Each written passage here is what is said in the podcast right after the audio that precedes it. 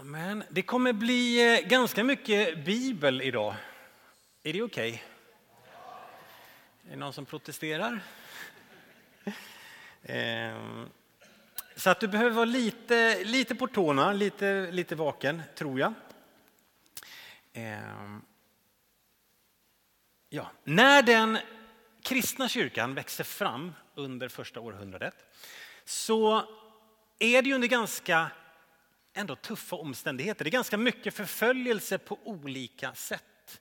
Tänk på kyrkan som växer fram i Israel, i den judiska kontexten.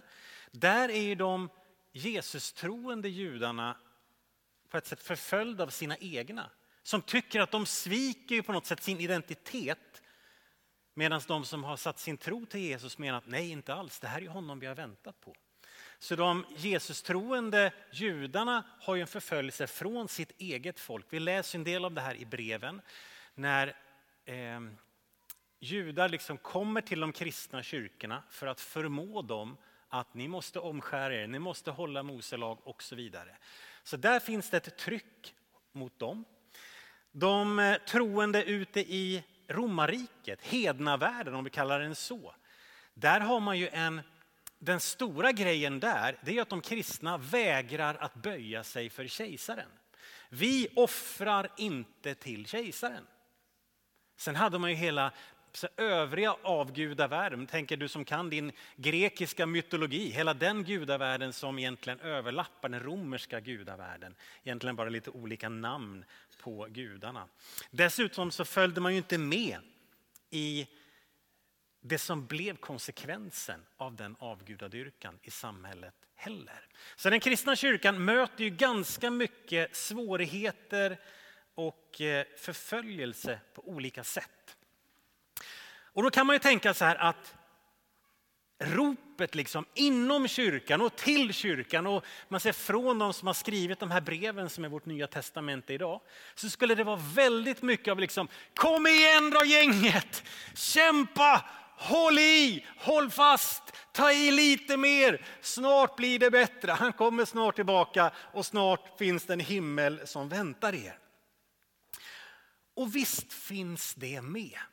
Absolut, det finns med de här lite uppropen till, till kamp att kämpa emot. Men det jag skulle vilja säga, det som är, det kommer bara som nummer två. För det är någonting annat som kommer mer, oftare och starkare och som är någon slags genomgående ton, en, ett fundament som de här uppmaningarna till att kämpa vilar på. Någonting som genomsyrar i allt det som vi egentligen läser i vårt nya testamente. Och vi ska idag be oss till Efesos Efesos, där har vi i västra Turkiet, alldeles vid, eh, vid kusten. Lite söder om dagens Izmir, du som kan din karta. Och eh, den här regionen kallas ju för mindre Asien. Och väldigt mycket församlingar växer fram i den här regionen vid den här tiden. Efesos är romarrikets tredje största stad. Uppåt 250 000 invånare, minst. Det är en metropol på många sätt. De har en teater, den är liksom utgrävd idag, man kan åka och titta på den, som rymde uppåt 25 000 människor. En jättesnäll amfiteater. Ehm, det är eh, en hel del turism utifrån det här. En hel del kanske vi skulle kalla idag för sexturism. För att där har man det stora Artemistemplet, helgat åt gudinnan Diana, fruktbarhetens gudinna. Och det här templet hade uppåt 1000 tempelprostituerade som höll igång rulliansen där. Och denna Diana, fruktbarhetens gudinna, hon fick sina krafter direkt ifrån himmelen. Hon svarade på bön och henne offrade man till och följde. Utöver, det finns inskriptioner som kallar henne för frälsaren. Och utöver Diana så fanns det kanske ett 50-tal gudar och gudinnor till med olika tempel runt om i staden. Och så lägger vi på kejsarkulten. För kejsaren vill ju bli kallad Herre och Gud också. Han var ju härskaren. Så det är ju en smältdegel av avgudadyrkan på alla möjliga sätt i denna stora stad. Och i mitten på det första århundradet, runt år 50, så finns där en liten grupp kristna, bland annat Paulus. Vi läser om den här församlingen när den startas i Apostlagärningarna 19. Och där står det om eh, helande, det står om utdrivande av onda andar ur människor. Det är konfrontationer så att det blir upplopp och in på den här stora teatern som då rymde 25 000 pers. Där är det världens upplopp och folk vrålar och skriker och håller igång. Och det är bokbål och det är annat spännande. Så det är väldigt, väldigt dramatiskt och liksom ett, ett eh, möte mellan krafter när den här församlingen grundas. Paulus blir kvar där under två års tid, startar upp som en bibelskola skulle vi nog kalla det idag. Där han under två år i det som heter Tyrannus lärosal undervisar människor hela tiden. Och den här undervisningen den sprider sig ut i regionen till de sju största församlingarna. Och det är de sju församlingarna som vi sen läser om i Uppenbarelseboken. De sju sändebreven är ju till samma region. Så det är en liten grupp kristna, en liten församling men en växande församling som bildas där som kommer att påverka inte bara enskilda människor utan regionen på olika sätt. När Paulus har lämnat Efesos så skriver han sen ett brev tillbaka till dem. Heter lämpligt Efesierbrevet till församlingen i Efesos. Och eh, där finns uppmaningarna Liksom, håll ut, kämpa, lev inte så här utan lev så här. Kom igen gänget, det kommer gå bra det här. Så de här uppmaningarna finns i Efesierbrevet. Men de kommer bara så småningom. Av Efesierbrevets sex kapitel så de första tre innehåller någonting annat. Det är först i kapitel fyra som det kommer, därför mina kära. Lev värdigt er kallelse. Lev på det, gör inte så här, håll i här, håll fast, håll ut. Det kommer sen. De första tre kapitlerna är någonting helt annat. Och det är det vi ska stanna upp vid idag. Vi ska bara ta oss igenom egentligen första kapitlet. Vi får se om kapitel två kanske kommer nästa söndag. Och utgångspunkten i allt det här som är hans genomgående ton, som är startplatsen, det är inte kämpa, kämpa, kämpa, jobba, jobba, jobba. Utan det är det här har Gud gjort för er, med er och i er. Det är utgångspunkten i det han skriver. Och vi ska läsa från Efesierbrevet 1 och 3 och eh, ett gäng verser framåt. Du kan följa med på väggen här. Välsignad är vår Herre Jesu Kristi Gud och Far som i Kristus har välsignat oss med all andlig välsignelse i himlen. Han har utvalt oss i honom före världens skapelse till att vara heliga och fläckfria inför honom. I kärlek har han förutbestämt oss till barnaskap hos honom genom Jesus Kristus efter sin goda viljas beslut till ära och pris för den nåd som han skänkt oss i den älskade. I honom är vi friköpta genom hans blod och har fått förlåtelse för våra synder tack vare den rika nåd som han lät flöda över oss med all vishet och insikt.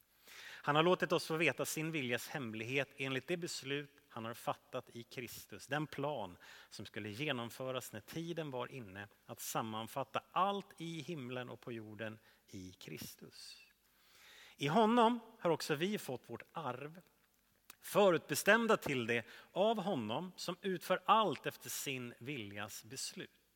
För att vi som först har satt vårt hopp till Kristus ska bli till hans ära och pris. I honom har också ni, när ni hörde sanningens ord, evangeliet om er frälsning. I honom har också ni, när ni kom till tro, fått den utlovade helige ande som ett sigill. Anden är ett förskott som garanterar vårt arv att hans eget folk ska befrias till hans ära och pris. Amen. Den här andliga välsignelsen som han börjar med i den här texten. Vad i all sin dar är det? Det låter stort. Och jag menar att i de följande verserna som vi läste här, då målar han upp, det är som att det där är rubriken, det här. Det här är vad han gjort för oss. Och vad innebär det? Jo, och så kommer det lite punkt för punkt för punkt vad han har gjort för oss. Den första, han har utvalt oss i honom.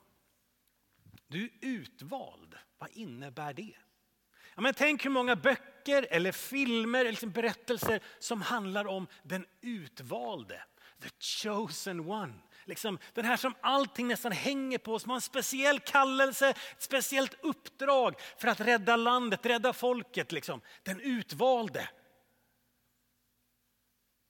När du kommer hem i eftermiddag så går du fram till spegeln och så tittar du själv djupt i ögonen och säger jag är den utvalde. Och så spänner du lite. Vi kallas de utvalda av Gud. Jaha, men utvalda, är det då några som inte är utvalda? Gäller det här bara några? Nej, det gör inte det. Frälsningen är för alla. Alla erbjuds detta. Alla är kallade till honom, varje människa. Man skulle kunna läsa den här som att vi är utvalda framför allt annat i skapelsen. För människan är skapelsens krona, vi är någonting annat. Det är människan som Gud utvalde till att stå inför honom. Hur då? Fläckfri och helig i relation till honom. Du är utvald min vän till den här gruppen i Efesos som står mellan avgudastatyerna, avgudabilderna runt om i staden. Så går det ut, ni kära vänner, ni är utvalda. Ni är skapade till detta att leva i relation till honom. Och det har vi i nästa, i det här med barnaskapet. Det talar om vilken typ av relation som vi skapade för. Eller hur? Barnaskap, det säger ju någonting. Jag såg Christian stå här och mysa med sitt barnbarn innan gudstjänsten. Det är familj, det är nära, det är liksom så här. När lärjungarna säger till Jesus, Jesus lär oss att be. Vad kommer då? Så här ska ni be. O du outgrundlige kraftkälla i kosmos. Vill du låta dina strålar av energi träffa oss? Det är inte så. Utan så här ska ni be. Fader vår som är i himmelen. Det är ju ett barnaskap, det är ju en närhet som du är kallad, utvald till att stå inför honom. Du som tänker att den första delen, helig och fläckfri, liksom, det låter så här bara, Åh, det är något heligt och konstigt och fläckfritt, vad är det här? Ja, men, hoppa över det och ta punkt två istället. Det är barnaskapet, det är far i himmelen som jag är kallad till. De heliga i Efesos får höra, ni är hans barn. Det är närhet, det är intimitet. Det är inte bara några marionetter till någon kosmisk kraft, gör si, gör så. Det är ju tvärtom så att ibland när vi läser vår, vår bibel så en del kritik, kanske framförallt genom gamla testamentet mot Israels folk, det är när de bara gör sin tro. De går till templet och offrar sina djur och gör sina grejer men hjärtat är långt borta. Och då säger Gud, hallå mitt folk, återvänd. Inte till görandet, för det har ni, utan återvänd till hjärtats tro och längtan. I perioder, tänker jag så här, så kan görandet vara oerhört viktigt. När vi kämpar i vår tro, det är mycket, eller man bara så här, ah, jag vet inte, så kan görandet, alltså fira gudstjänst, ge dina pengar, tjäna någonstans, liksom hitta de här rutinerna, vanorna. Det kan bära dig i perioder, absolut. Men hjärtat måste beröras och komma med över tid också. Ett barnaskap inför Gud visar vilken typ av relation det är. Och nästa talar om att vi är friköpta genom hans förlor har fått förlåtelse. Wow! Du är förlåten. Du är friköpt. Ja, men här, här säger Bibeln att vi är syndare. Ja, det säger Bibeln. Det går inte att läsa Nya Testamentet och säga någonting annat. Du är en syndare min vän. Halleluja kom det i bänkarna. Nej, det gjorde det inte. Ja, men Bibeln säger det och vi kan inte ta bort det. Vi är trasiga. Men det är inget problem. Varför? För att vår synd kan bli förlåten. Det trasiga, det blir lagat. Ni är friköpta och har förlåtelse för era synder. Varje gång vi firar nattvard så proklamerar vi ju det. Jesus på korset säger när han dör, eller innan han dör, säger han, det är fullbordat. Han säger inte det är halvklart, jobba på resten. Med lite tur kommer det här gå hela vägen. Han säger det är fullbordat. Ni har förlåtelse för era synder. Ni är friköpta. Vi har löftet i första Johannesbrevet 1 och 9. Om vi bekänner våra synder så är han trofast och rättfärdig så att han förlåter oss våra synder och renar oss från all orättfärdighet. Förlåten och friköpt. Och så fortsätter texten. Att vi har fått ett arv i den här välsignelsen. Ett arv får man inte på merit. Åh, vad duktig du är! Här får du ett arv. Nej, ett arv är ingen belöning. Utan ett arv får man ju som regel utifrån familjeband. Utifrån blodsband. Ett arv får man för att man är inskriven i testamentet. Och vet du vad? Det finns ett testamente.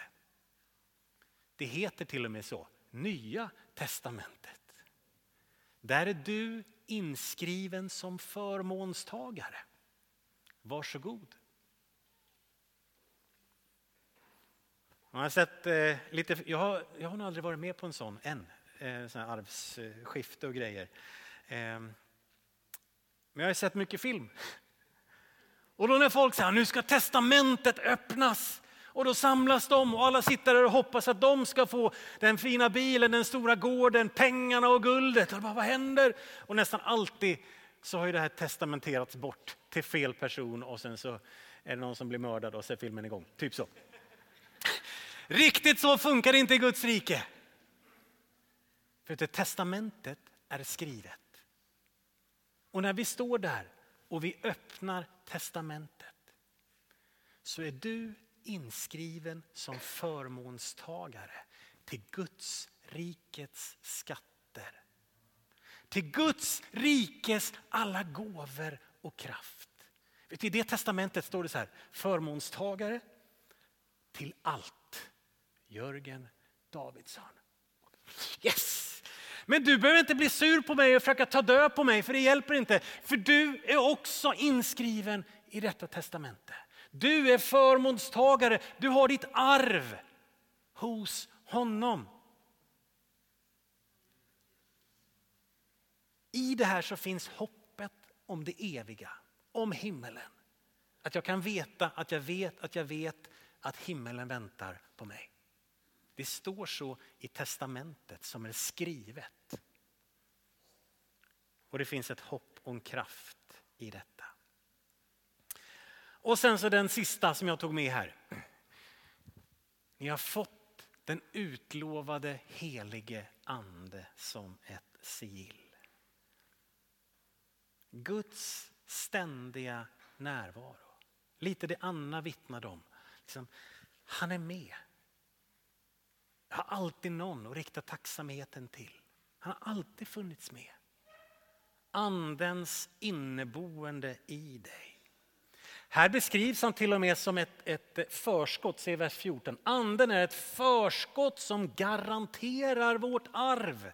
Att det finns någonting av det vi får smaka på nu, Gud i mig. Som Paulus säger i Kolosserbrevet, Kristus i er. Det är härlighetens hopp. Det är någonting av det vi får uppleva här och nu som visar på vad som kommer. Du som var här förra söndagen lyssnade till Pontus Tunhav när han talade om Gudsriket. Både som någonting som kommer i, sin, liksom, i all sin skönhet och kraft. Men också någonting som redan är här. Inte fullt ut än, men vi kan leva i det, vi får smaka på dess godhet och dess krafter. Andens inneboende i dig, Guds närhet ingår i detta. Och jag tänker att de här sakerna, det är att ha blivit välsignad, kan nästa bild Emanuel? Det är att ha blivit, liksom fått all andlig välsignelse i himlen. Vi är utvalda, vi har barnaskapet, vi är friköpta och förlåtna, vi har arvet och vi har fått den helige ande i oss.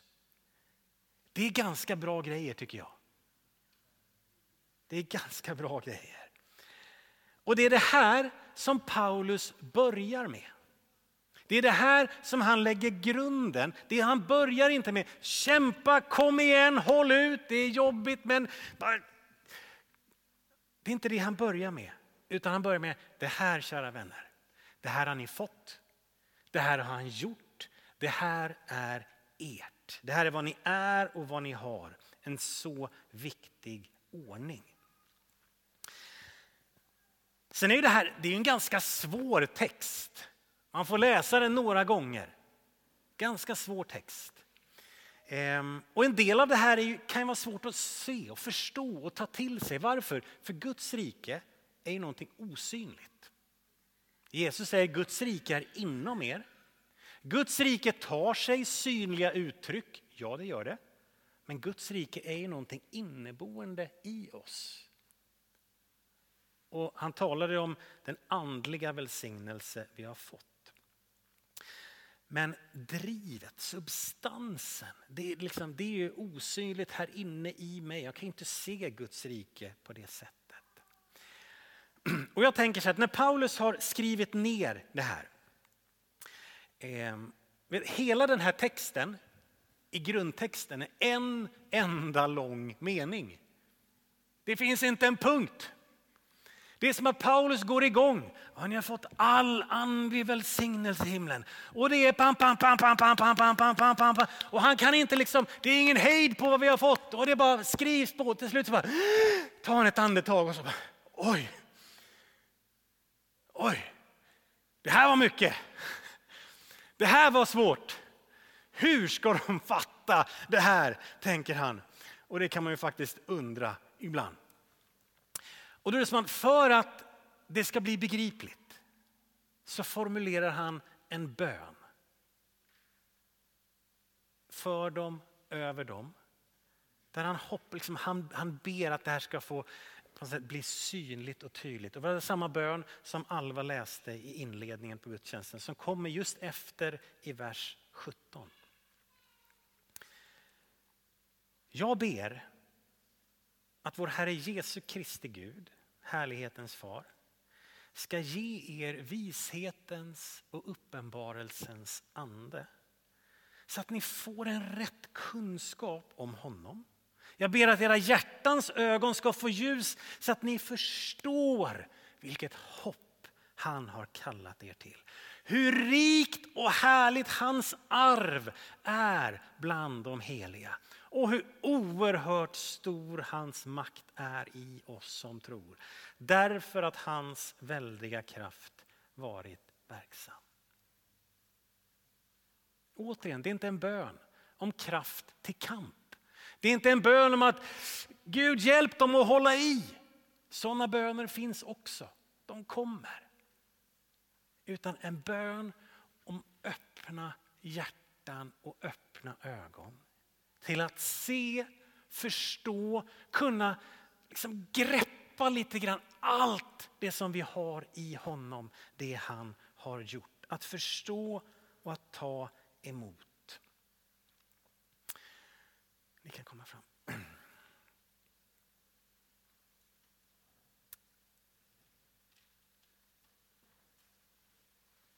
Och jag tänker så här.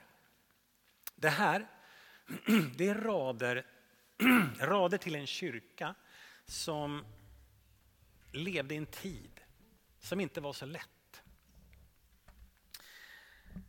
Med allt det de hade omkring sig av eh, avgudadyrkan och allt möjligt. Jag tänker att det är rader till troende då som kämpade på olika sätt.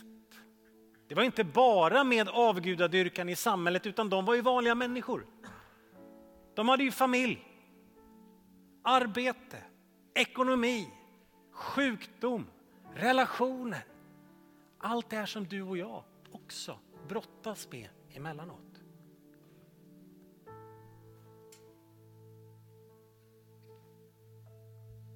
Och också det här att hålla i, hålla ut, hålla fast i tron när allt omkring säger någonting annat. Det är ju deras omständighet. Därför tänker jag att de här raderna från Efesierbrevet som kan vara lite svåra när man läser dem först. Det är rader till dig och mig idag. I Sverige, i Trollhättan, även i Danmark. I en tid som inte alltid gör det så lätt att följa Jesus. Och där vi med våra liv kämpar med samma omständigheter. Och jag tänker att jag vill be den här bönen igen.